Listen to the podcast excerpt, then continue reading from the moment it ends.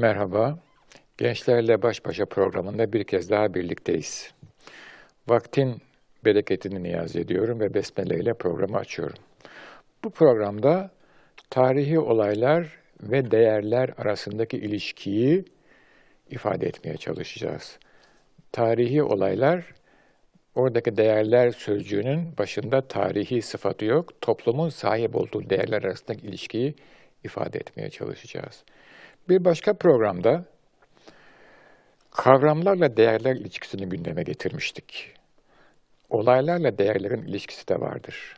Ve tarihi olayları toplum, hangi toplum olursa olsun kendi değerler skalasında bir yere oturtur, değerlendirir, yargısını verir ve ona göre o olaya karşı tepki alır, reaksiyon gösterir.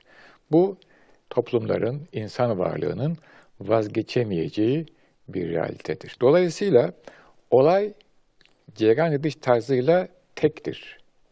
Birisi geldi, birisinden şunu aldı, bedelini verdi ve aldı götürdü. Birisi geldi, bir işletme kurdu, ham maddeyi bir yerden buldu, iş gücünü temin etti, bilgisi de vardı, şunu şunu şunu üretti ve şuralara sevk etti. Olay bellidir. Ama o olaya karşı toplumun veya toplumların aldığı tavır, gösterdiği davranış ve onu değerlendirişi farklı farklıdır. Neden? Çünkü her toplum her realiteye karşı bir değer üretir ve o değeri o realiteye giydirir. Adeta realite çıplak bir mankense e, değer onun üzerine giydirilen elbisedir. Artık o realite o değerle beraber gündeme gelir. Tarihi olaylara bakarken bu gerçekliği hiçbir şekilde unutmamamız gerekir. Bu gerçekliğin hiçbir şekilde unutulmaması icap eder. Çünkü her toplum aynı hadiseyi farklı değerlendiriyor. Benim buradaki örneğimde Osmanlı Devleti'nin e, bir bahtsız serüveni var. Onun da kısaca adı 93 Harbi. 93 Harbi yani 1777-78 hem siyasi hem askeri bir harekat, siyasi bir boyutu var ve bir de askeri boyutu var. Ruslarla Osmanlı Devleti arasında gerçekleşen bir savaş. Bu savaşta Osmanlı Devleti Avrupa'da Tuna'nın güneyinden başlayan sınırını aşağı yukarı bugünkü Trakya sınırına kadar geri çekmek zorunda kalıyor. Yani bütün Bulgaristan'ı ki Bulgaristan Nibolu Savaşı ile beraber yani 1396'da Osmanlı'ya kalmış bir yer. Orada bir medeniyet tesis etmiş. O medeniyetin e, tortusu, deneyimi, birikimi artmış, yükselmiş, yaygınlaşmış.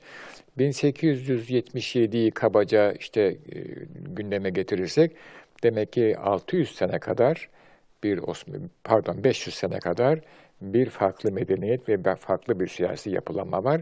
Orayı terk ediyor Osmanlılar. Ve bunun da simgesel yeri Şipka Savaşları. Şimdi bu açıdan baktığımız zaman Osmanlı için hem ciddi bir hezimet hem de bir manada büyük bir medeniyet kırılması. Çünkü savunduğu bir medeniyet değerleri sistemi kırılarak geri çekiliyor. Bunun içindeki e, Plevne e, kahramanlığı hani e, onulmaz yaraya bir teselli babındadır ama neticede bir büyük e, gerileme olmuştur. Militer boyutundan ziyade medeniyet ve kendine güven noktayı nazarından. Şimdi bir de Rus tarafına bakalım. Rus tarafı olayın galibidir ve malum Rusya Büyük Petro'dan itibaren sıcak denizlere inmek istemektedir. Bunun iki yolu vardır. Birisi Asya üzerinden, Hindistan'dan, birisi de Karadeniz üzerinden Osmanlı ile. Hindistan'a giden yolu İngiliz keser. İngiltere, Rusya'nın Hindistan'a gitmesine engel olur. O halde Büyük Petro'dan beri, Büyük Petro'dan beri devam eden siyasi e, realite, siyasi ideal Osmanlı'nın yumuşak karnından istifade etmektir. Peki Avrupa devletleri ne yaparlar? Avrupa devletleri burada ikili oynarlar. Şundan dolayı yani Osmanlı Devleti'nin ortadan kalkmasını istemezler. Çünkü Slav dünyası çok güçlenecektir ve Batı dünyasında o anda Slavları dengeleyecek bir güç pek bulunmamaktadır. E, bu noktada e, Prusya araya girer. O zaman Birleşmiş Büyük Almanya İmparatorluğu olmuştur ve Berlin Muahedesiyle bu mesele hallü fasl olur. Ne olur? İşte Avrupa Osmanlı'yı da biraz e, arkalar, e, Rusya'nın zaferine göz ardı etmez. E, bu savaşın İstanbul'da önemli bir simgesi izi vardı. Ama maziden korkan insanlar o izi ortadan kaldırdılar. Ayastafanos dedikleri yerde ki Yeşilköy oldu oranın adı. Rusların oraya kadar gelip diktikleri bir anıt vardı. Onu yıktılar. Tarih e, cesaret ister. Tarihle yüzleşmek cesaret ister.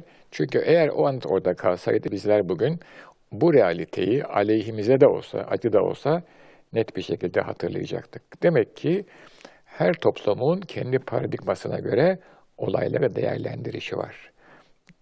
Tarihi olay aynı, ona yüklediğimiz değer farklı oluyor. Bir toplum için pozitifken bir toplum için negatif. Bu değerler, yani tarihi olaya atfettiğimiz değerler zaman içerisinde sabit kalmaz. Toplumun kültürel macerası eklenenlerle, çıkarılanlarla devam eden hayati bir uzuv gibidir. Birçok hücre kayboluyor uzviyetimizde, birçok yeni hücre ekleniyor. Toplumun kültürel macerası da böyledir. Yani değerler sabit kalmamıştır ve kalmayacaktır. Buna ait bir örnek vermek istersek, bu da 1838 Osmanlı-İngiliz Ticaret Antlaşması'dır. Bu anlaşmanın hükümlerine baktığımız zaman şu realiteyi görüyoruz. Osmanlı ekonomisinde ihracat zordur, ithalat kolaydır. Mehmet Genç bu konularda uzman bir zat. Onun Devlet ve Ekonomi kitabında okuduğum kadarıyla söyleyeyim. Osmanlı ekonomisinin temel ilkelerinden bir tanesi iaşe ilkesidir diyor Mehmet Genç. Provizyon ilkesi. Bu ne demek? Halife diyor ki benim tebaam pazarda her aradığını bulsun, bulmalıdır ve bunu makul bir fiyatla bulmalıdır. Eğer bulamazsa aradığı şeyi yarın ahirette Allah bana sorar. Sana emanet ettiğim tebayı niçin mahrum bıraktın der. Bu bir ilke. Bu ilke çalışmış mı? Çalışmış. Ama bu ilkenin çalışmadığı yer neresi? Kapitalist ekonomik düzen. Devletçi kapitalizm diyor ki ihracatı güçlendirelim, ithalatı düşürelim ki para kazanalım, dış piyasada güç sahibi olalım. Osmanlı'nın niyeti bu ekonomik anlayışta değil. Onun güç sahibi olmak istemesi şunun için hizmeti daha iyi yapabileyim diye. Ama kapitalizmin güç sahibi olmaktaki niyeti hele 19. asırda daha iyi tahakküm edeyim diye. Bu iki farklı anlayış iki farklı davranışı gündeme getiriyor. Bugün bizler, bizim nesiller, sizin nesiller, belki babalarımız bu davranışa baktıkları zaman Osmanlı ekonom ekonomisini yönetenleri akılsızlıkla, cehaletle suçlayabilirler. Hayır, değer sistemindeki değişiklikten dolayıdır. Eğer onlar da kapitalist açıdan baksalardı onu öyle görmeyeceklerdi. Ama öyle bakmadıkları için bizim bakışımıza göre yanlış olanı yaptılar. Demek ki tarihe bakarken, tarihi yorumlarken kendi toplumumuzda değerlerin değiştiğini de fark etmek lazım. İlla değişir diye bir kural yok ama değişebilirliğini gündemde tutmamız lazım. Ya da bir önceki örnekte olduğu gibi iki toplumda farklı iki değer yargıları sistemi olduğunu, olay aynı olsa bile toplumların bu iki farklı sisteme göre aynı olaya değer yüklediklerini hiç unutmamamız gerekiyor. Şimdi değer meselesi e, olaydan kesin kes ayrılmıyor. Bunu da kesinlikle hafıza, akılda tutacağız. Bir başka sıkıntı tarihi olayları gündeme getirirken anakronik olmak. Yani bugünün gözü ve değerleri ve anlayışıyla bir başka zamana ait bir hadiseyi gündeme getirmek.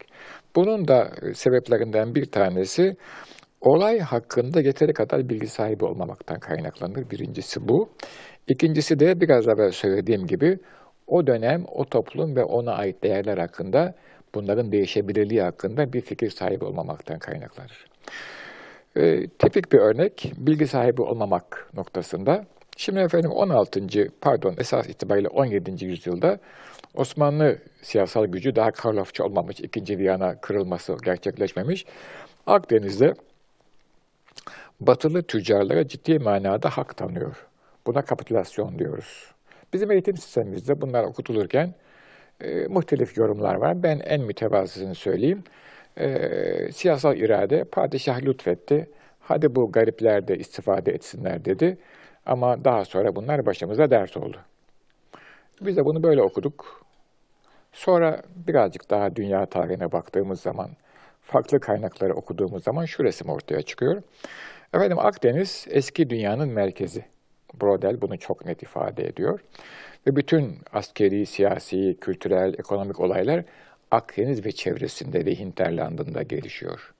Şimal ülkeleri periferi, İngiltere periferi, Amerika zaten gündemde değil. Ama sonra 15. yüzyılın sonunda okyanus yolları gündeme geliyor, bu yollar açılıyor ve bir asır sonra okyanus yolları produktif olarak kullanılmaya başlanıyor. Limanlar yapılıyor, güvenlik testleri yapılıyor, sigorta teşkilatı gündeme geliyor.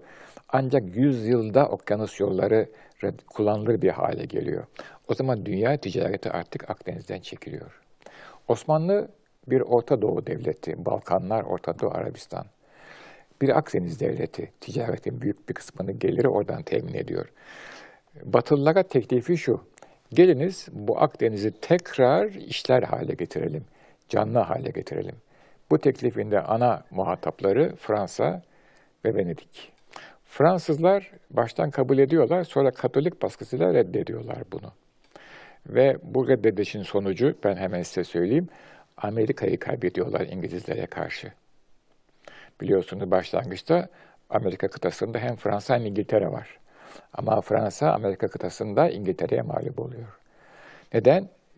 E, yeteri kadar güç yok elinde. O gücü toparlayıp neden Akdeniz ticareti dumura uğramış. İngiltere'nin Akdeniz'den bir payı yok. O ister istemez mahkum. İngiltere bu teklifi gitse anlarmaz olur. Almanya'da bir birlik yok. İtalya'da birlik yok.